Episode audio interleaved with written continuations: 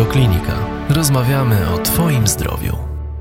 Niewydolność serca dotyka coraz więcej osób i coraz częściej mówimy o niej w kategorii epidemii, która rozprzestrzenia się zarówno w Europie, jak i w Ameryce. Do rozmowy na ten temat zaprosiliśmy pana profesora Zbigniewa Chmielaka, zastępcę kierownika Kliniki Kardiologii i Angiologii Interwencyjnej w Instytucie Kardiologii w Aninie. Witam serdecznie, panie profesorze. Dzień dobry, witam. Panie profesorze, czy mógłby Pan zdefiniować naszym słuchaczom pojęcie niewydolności serca, bo jak rozumiem jest to cały zespół objawów? Według definicji o niewydolności serca mówimy wtedy, kiedy na skutek nieprawidłowej czynności lub też nieprawidłowej budowy serca serce nie jest w stanie dostarczyć do tkanek odpowiedniej ilości krwi, takiej ilości, które pozwalałyby tym tkankom na normalne funkcjonowanie. A użyła Pani określenia epidemia. Rzeczywiście niewydolność serca w tej chwili jest epidemią. Jest to jedna z chorób, które najczęściej obserwujemy w krajach wysoko rozwiniętych.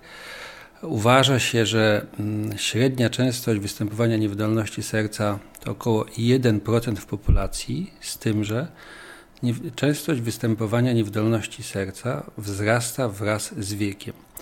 U osób powyżej 70 roku życia częstość występowania niewydolności serca szacujemy na mniej więcej 70, e, na mniej więcej 10%.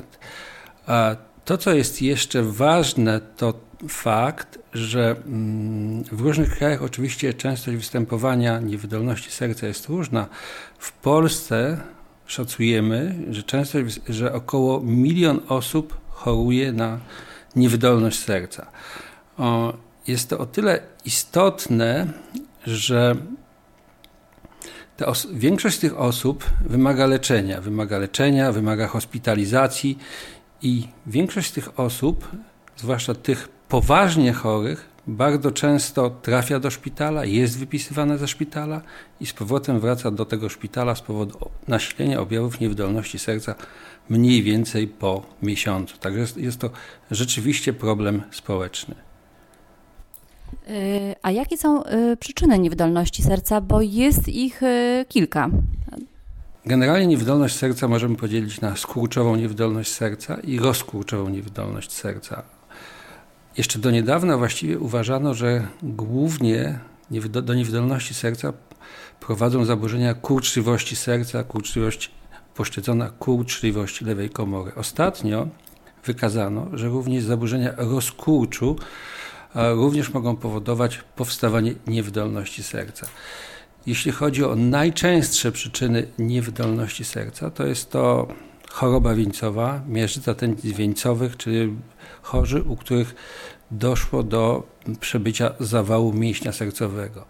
Inne choroby, które są częste za powstawanie niewydolności serca, to wady serca, wrodzone wady serca, nabyte wady serca, takie jak wady zastawkowe. Częstym powodem niewydolności serca jest cukrzyca, nadciśnienie, zaburzenia rytmu serca. Takie rzadsze przyczyny powstawania niewydolności serca to również niestety nadużywanie alkoholu, ponadto zdarza się, że przebycie infekcji wirusowej może być również powodem niewydolności serca i w pewnych przypadkach niektóre leki stosowane przez onkologów również mogą doprowadzić do powstania niewydolności serca. Czyli tak jak Pan wspomniał, e, są to takie też e, przyczyny niekardiologiczne i e, między innymi właśnie to bagatelizowanie infekcji wirusowych, tak, które się przyczynia do tego, że taki stan może się pojawić. I jakie są w ogóle, jakie predyspozycje, jakie, jakie czynniki zachodzą, żeby doszło do takiej niewydolności serca w przypadku właśnie zbagatelizowania infekcji wirusowej? E, niestety nie znamy do końca mechanizmów, które powodują, że u osób, które przebyły czasami bardzo banalną infekcję, na skutek różnych zmian w organizmie dochodzi do powstania niewydolności serca. E, na pewno osoby te mają pewne predyspozycje genetyczne, bowiem na, stosunkowo często do niewydolności serca e, może prowadzić jakaś taka banalna infekcja, którą każdy z nas kilka razy w roku przechodzi i ta infekcja u większości osób nie pozostawia żadnych następstw. Natomiast są pewne grupy osób predestynowane, u których taka infekcja, która, tak jak powiedziałem, u większości populacji nie powoduje żadnych złych następstw, u tych konkretnych osób niestety prowadzi do tragedii, do niewydolności serca. A proszę mi powiedzieć, czy możemy się pokusić o zdefiniowanie takich e, podstawowych, typowych objawów niewydolności serca i e, czy są to takie objawy, które e, nie wiem, lekarz pierwszego kontaktu może przypisać śmiało akurat temu schorzeniu? O, niestety tutaj mamy problem, to znaczy typowe objawy niewydolności serca to jest zmęczenie, pogarszanie się tolerancji wysiłków, a w, po pewnym okresie dochodzi do powstawania obrzęków. O ile powstawanie obrzęków można powiedzieć, że to już jest taki okres, kiedy lekarz zwraca uwagę na chorego, zwraca uwagę na jego dolegliwości, o tyle te dwa pierwsze objawy, to znaczy zmęczenie i zmniejszenie tolerancji wysiłku, są mało charakterystyczne, występują w wielu chorobach, które każdy z nas przechodzi. Często występują w chorobach płuc, także niestety nie są to mm, objawy, które po pozwalają na taką łatwą, na łatwe postawienie diagnozy. Generalnie można powiedzieć, że mm, niewydolność serca przebiega w takich trzech etapach. Pierwszy etap to jest wtedy, jest wtedy, kiedy niewydolność serca już jest, ale właściwie nie daje objawów. Te osoby często mówią, że trochę są bardziej zmęczone, właściwie na nic konkretnego się nie skarżą. I to oczywiście jest problem, ponieważ każdy z nas ma takie okresy w życiu, że jest bardziej zmęczony i, i to nie, nie jest oczywiście oznaką żadnej choroby. Kolejny etap to już jest wtedy, kiedy ta osoba, zaczyna, osoba chora zaczyna zwracać uwagę, że doszło do istotnego pogorszenia tolerancji wysiłku. Kolejny to właściwie każdy najmniejszy wysiłek zaczyna powodować mm, duszność, zaczyna mm, zmuszać pacjenta do zaprzestania wysiłku, do zatrzymania się odpoczynku. I ten już ostateczny etap, czyli moment, kiedy duszność zaczyna pojawiać się właściwie w spoczynku. Nie wykonuje żadnego wysiłku, a jednak jest mu duszno, brakuje mu powietrza. A tak jak przed chwilą powiedziałem, te okresy, czyli niewielkie upośledzenia tolerancji wysiłku, trochę większe, duszność występująca przy niewielkich wysiłkach i duszność spoczynkowa, tak mniej więcej jest e, um, obiektywnie podzielona wydolność fizyczna pacjentów, czyli od klasy pierwszej do klasy czwartej, czyli od dobrej, od dobrej tolerancji wysiłku do e, klasy czwartej, kiedy każde, właściwie nie potrzeba nawet wysiłku, żeby chory odczuwał duszność. W którym momencie pojawiają się takie dodatkowe objawy, typowe właśnie jak obrzęki i inne poza tą dusznością? A, zwykle to jest to okres, kiedy ten drugi stopień, czyli wtedy, kiedy pacjent może wykonywać większych wysiłków, przechodzi w trzeci stopień, czyli w, w momencie, kiedy wysiłki, które są stosunkowo jakieś nieistotne, niewielkie, powodują u tego pacjenta, zwalają tego pacjenta duszność. Także to jest ten moment, kiedy najczęściej pojawiają się obrzęki.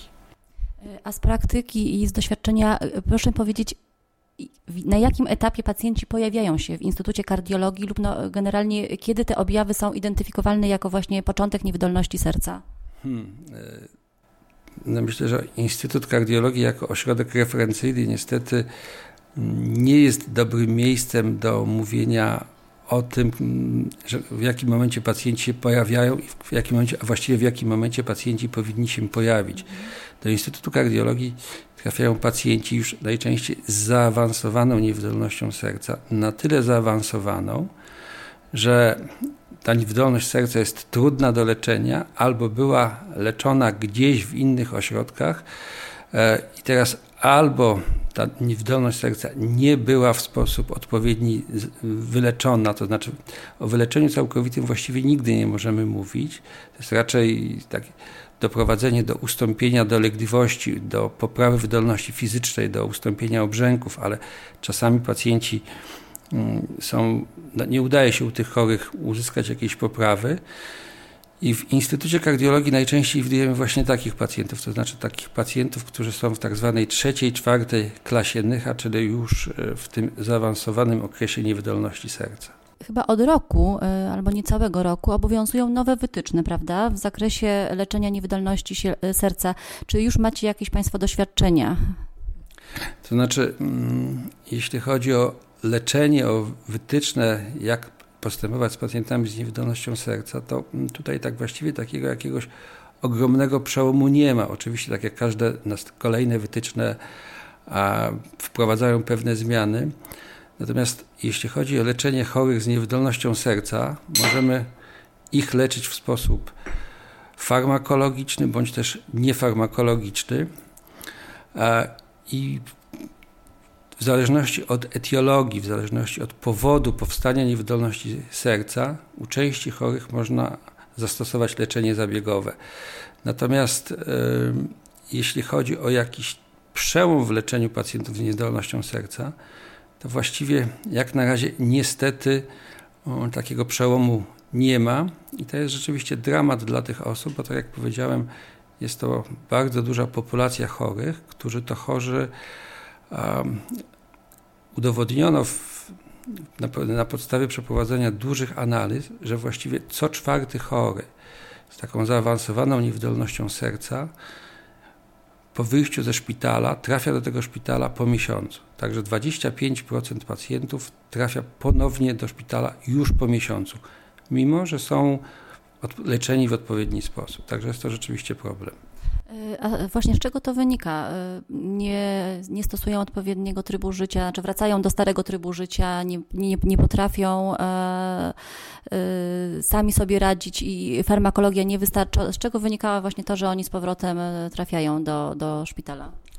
Hmm, na pewno nie ma jakiegoś takiego prostego rozwiązania, które by w, w sposób jednoznaczny tłumaczyło, dlaczego wszyscy chorzy trafiają z powrotem do, do szpitala, po, znaczy dlaczego 25% chorych trafia do szpitala po miesiącu od wypisania ze szpitala.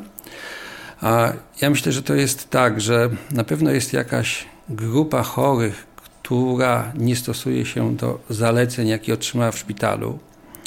To jest chyba w sumie taka najprostsza do dalszego prowadzenia grupa chorych, bo to są chorzy, którzy których w jakiś sposób można przekonać, żeby jednak stosowali się do zaleceń lekarskich, a można ich przekonać w prosty sposób, no bo sami widzą, że postępując w taki sposób jak dotychczas, um, właściwie sami sobie nie pomagają, tylko raczej szkodzą.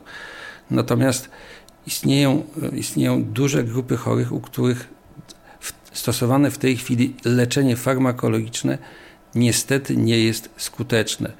I to jest rzeczywiście problem widziany na całym świecie, bo tak jak powiedziałem, takich pacjentów z niewydolnością serca, zaawansowaną niewydolnością serca jest bardzo dużo.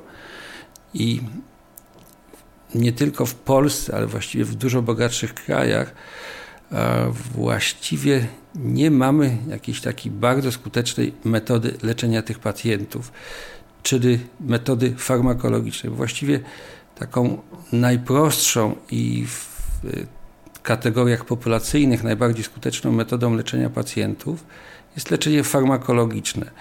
A bardziej zaawansowane metody, metody niefarmakologiczne, czyli metody inwazyjne, to już w zależności od etiologii choroby, czyli od przyczyny choroby, bo inaczej oczywiście leczy się chorych, u których doszło do powstania niewydolności serca w przebiegu choroby wieńcowej, inaczej się leczy pacjentów, u których doszło do powstania niewydolności serca z powodu wady zastawkowej.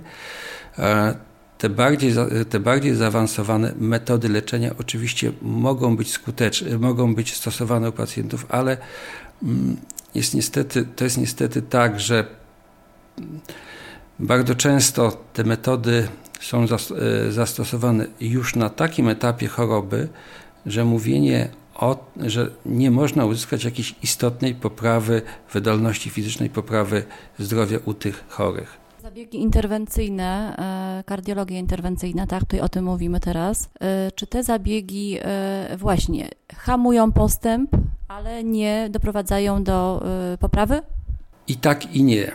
Jeśli chodzi o skuteczność zabiegów kardiologii interwencyjnej, to wygląda to w ten sposób, że jeśli zabieg wykonany przez kardiologa interwencyjnego zostanie wykonany w odpowiednim momencie i jest skuteczny, to rzeczywiście można powiedzieć, że ten zabieg nie mogę powiedzieć, że zatrzymuje przebieg choroby, bo to nieprawda, bo jeśli ktoś ma miażdżycę, to oczywiście ta miażdżyca będzie dalej postępowała, ale jeśli y, zastosujemy zabieg powiedzmy poszerzania tętnicy wieńcowej u takiego pacjenta, to po pierwsze dzięki temu, że krew czy mięsień, że dzięki temu, że mięsień sercowy otrzyma więcej krwi, e, zapobiegamy czemuś takiemu, co się nazywa niekorzystnym remodelingiem, czyli niekorzystną przebudową mięśnia sercowego. Taki chory może normalnie funkcjonować, wykonywać wszelkie wysiłki takie, jakie, które, takie, które wykonują jego koledzy. To jest raz. A poza tym rokowanie tego pacjenta, czyli długość życia tego pacjenta, różni się nieznacznie od długości życia, powiedzmy, średniej w populacji. Podobnie ma się sprawa z e, leczeniem chorych z wadami zastawkowymi serca, to znaczy część wad zastawkowych serca, która jest leczona metodami przescewnikowymi, na przykład w przypadku chorych ze stenozą aortalną, rzeczywiście te, ta metoda jest bardzo skuteczna i w sposób oczywisty poprawia rokowanie chorych. Natomiast są oczywiście zabiegi, e, zabiegi czy to wykonywane u pacjentów z chorobą wieńcową, czy zabiegi wykonywane u pacjentów z wadami zastawkowymi, na przykład w przypadku chorej zastawki mitralnej, kiedy, kiedy to te zabiegi głównie poprawiają komfort życia pacjenta, natomiast one nie są w stanie poprawić rokowania chorych. Także mm, tak naprawdę to e, skuteczność zabiegów kardiologii interwencyjnej zależy od stopnia zaawansowania choroby i na pewno też mm, niestety w przypadku wad zastawkowych od, od wady, którą, e, która obejmuje, znaczy od, od tego, którą zastawkę obejmuje dana wada bo to też ma znaczenie. Jasne. Czyli rozumiem też, że po takich zabiegach interwencyjnych nie do końca zawsze da się zrezygnować już z farmakoterapii, tylko to jest jakby niezależne. Tak, to znaczy pacjenci mimo wykonywania zabiegów muszą przyjmować leki. Podkreślam, muszą, ponieważ zwłaszcza w przypadku chorych z ostrymi zespołami wieńcowymi, którzy mają założony stent i wymagają leczenia przeciwpłytkowego, odstawienie leczenia przez tych chorych wiąże się z możliwością powstania tak zwanej zakrzepicy w stęcie, czyli do powstania skrzepliny w stęcie, która może skutkować nagłym zgonem nawet, więc to jest rzeczywiście strasznie ważne. Natomiast niezależnie e, od tego, jaka to jest procedura w przypadku chorych z niewydolnością serca, chorzy ci zwykle, znaczy, chorzy ci muszą brać różne leki. Są to leki, które wspomagają czynność serca i bez tych leków i stan chorego i samopoczucie chorego jest dużo gorsze niż, niż w przypadku, jeśli chory takie leki przyjmuje. Już nie mówiąc o tym, że rokowanie chorych, którzy przyjmują leki jest lepsze niż chorych, którzy takich leków wspomagających czynność serca nie przyjmują. Rozumiem. Tutaj też jest pewien problem, bo to zwykle, tak jak pan profesor powiedział na początku, e, niewydolność dotyka e, głównie osoby starsze. Tu może być problem z systematycznością przyjmowania leków, z tym, że pacjent może zapomnieć. Stąd też myślę, że wynika to, e, to, to, że pacjenci wracają, wynika z tego, że właśnie zapominają, że zaprzestają przyjmowania leków i powracają troszkę do starych nawyków. Tak, ma Pani na pewno rację. To znaczy, w Polsce Generalnie system leczenia chorych z niewydolnością serca opiera się na leczeniu szpitalnym. Już nie pamiętam ile dokładnie, ale czytałem taką analizę sprzed kilku lat, która jednoznacznie wykazała, że ponad 90% środków przeznaczanych przez Narodowy Fundusz Zdrowia na leczenie chorych z niewydolnością serca przeznaczanych jest na hospitalizację chorych, czyli chory jest hospitalizowany, uzyskujemy pewną poprawę, chory wychodzi do domu. Tak jak powiedziałem, nawet co czwarty chory trafia już w okresie miesiąca po wypisaniu ze szpitala, czyli chory wraca do szpitala i znowu jest leczony w szpitalu. Natomiast tylko kilka procent z tych środków przeznaczonych przez państwo na leczenie jest w przypadku chorych z niewydolnością serca przeznaczonych na taką opiekę ambulatoryjną, opiekę domową. E, w tej chwili trwają próby, czy są czynione próby, żeby to zmienić, żeby rzeczywiście e, tacy pacjenci byli, mm, byli lepiej, baczniej obserwowani w miejscu zamieszkania, wprowadza się tak zwaną telemedycynę, ale w Polsce niestety jest to dopiero początek. Na świecie, w krajach zamożnych, takie metody mm, leczenia pozaszpitalnego pacjentów z niewydolnością serca są dużo bardziej zaawansowane i biorąc pod uwagę koszt leczenia chorych z niewydolnością serca, przypuszczam, że to jest właśnie przyszłość. To znaczy, żeby zrobić wszystko, żeby jak najmniejsza liczba chorych z niewydolnością serca trafiała ponownie do szpitala.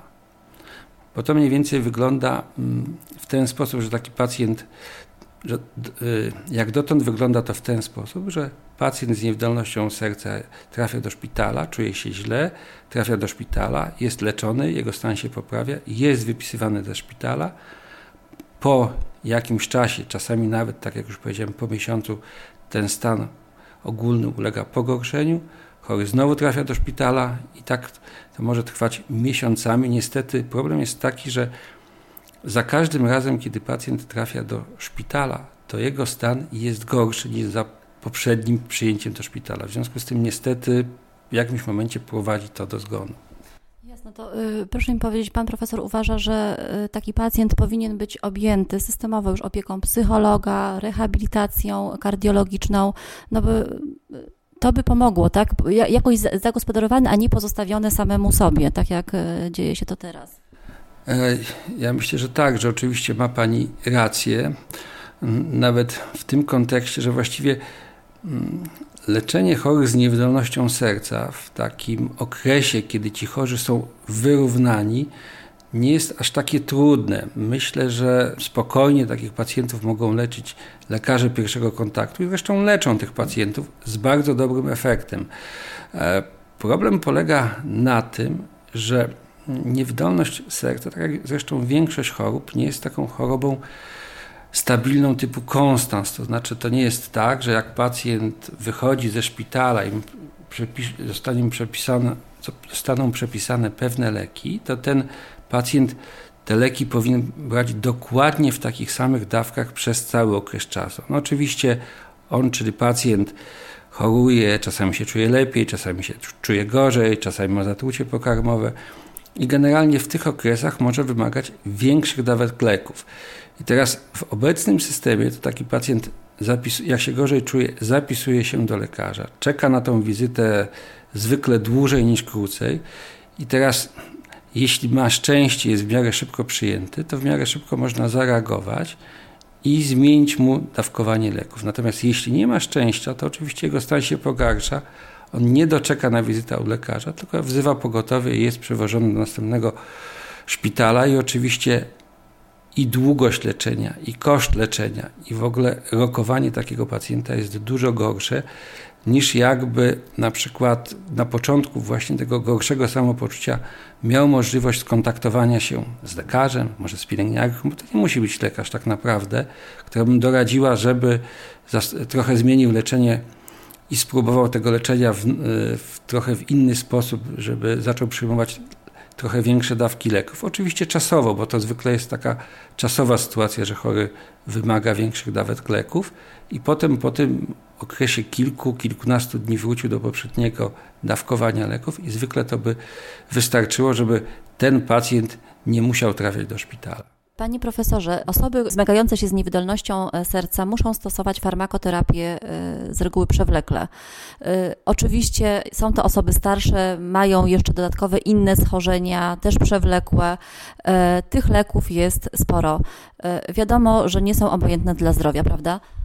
Tak, rzeczywiście leki, które przyjmują pacjenci, każdy z tych leków posiada jakieś działanie uboczne. Jeden lek mniejsze działanie uboczne, inny większe ale generalnie korzyści z przyjmowania leków przeważają nad objawami niekorzystnymi. Także dlatego zaleca się jednak stosowanie leków niż omijanie. Takim sztandarowym przykładem mogą być leki, które podaje się pacjentom z migotaniem przedsionków. Otóż leki te obniżają krzepliwość krwi i dzięki temu zapobiegają powstawaniu zatorów i zapobiegają powstawaniu udarów mózgu. I teraz nie, niekorzystnym objawem działania tych leków jest to, że leki te mogą powodować krwawienia. W związku z tym ostatnio wprowadzono mm, leki, które mm, mają podobną skuteczność jak tak zwane starsze leki obniżające chrzepliwość krwi. Natomiast mm, jeśli chodzi o komfort stosowania tych nowych leków, to te leki są na pewno i bezpieczniejsze i bardziej komfortowo mogą być przyjmowane przez pacjentów, ponieważ taki chory nie musi wykonywać tak często różnych badań e, ambulatoryjnych. Ale generalnie Niestety w przypadku każdego leku, zawsze kiedy go przepisujemy pacjentowi, musimy wziąć pod uwagę, że oprócz korzyści taki lek może przynieść, e, spowodować działanie uboczne i jeśli jesteśmy pewni, że to działanie właściwe, to działanie korzystne przeważa nad działaniem ubocznym, to oczywiście podajemy takiemu choremu lek. Natomiast jeśli działanie niepożądane zaczyna być, pojawienie się zdarzenia niepożądanego zaczyna być zbyt duże, to oczywiście lepiej by było, żeby taki pacjent nie przyjmował leków z danej grupy. Przyjmowanie tych leków e, rozrzedzających krew to też się chyba wiąże z pomiarami, e, koniecznością pomiarów wskaźnika INR, tak? Nie mylę się? Dokładnie jest tak, jak pani mówi. Teraz problem z e, oznaczeniem wskaźnika INR jest taki, że u części osób można stosunkowo szybko dobrać właściwą dawkę leku, czyli taką, żeby ten wskaźnik INR był w granicach terapeutycznych, to jest zwykle pomiędzy 2 a 3. Natomiast są osoby, u których e, uzyskanie właściwego poziomu stężenia leków przeciwkrzepliwego jest niestety dosyć trudne. Chorzy ci zwykle wymagają częstszego kontrolowania krwi w celu oznaczenia wartości wskaźnika INR. A poza tym mm, no to jest niestety tak, że zwłaszcza w przypadku osób starszych, te osoby mają czasami kłopot z zapamiętaniem, jak, w jaki sposób dany lek powinien być stosowany. E, czasami zgubią karteczkę, gdzie mają napisane, jak taki lek powinni przyjmować, i rzeczywiście jest to dla nich problem. Dlatego, tak jak powiedziałem, są teraz te leki nowej generacji, które stosuje się u pacjentów z migotaniem przedsionków. Z tym tylko, że to też trzeba uważać, bo nie u wszystkich chorych te leki mogą być stosowane. Jasne. I te nowe leki nie wymagają już pomiarów takich? Nie. Te nowe leki nie wymagają takiego ciągłego monitorowania przy pomocy pobierania krwi oznaczania wskaźnika INR.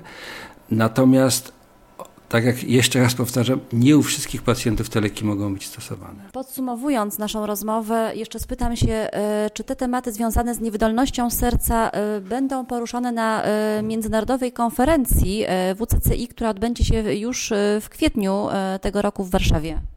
Tak, Międzynarodowa Konferencja Kardiologii Interwencyjnej odbędzie się w Warszawie już po raz 20. To są 20 warsztaty.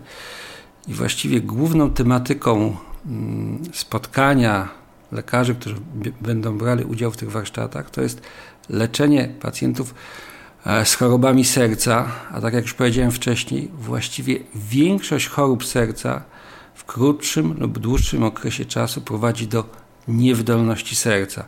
W ostatnich latach dokonał się przełom, jeśli chodzi o nowe technologie stosowane e, w leczeniu chorych z i z wadami zastawkowymi serca i pacjentów z chorobą wieńcową.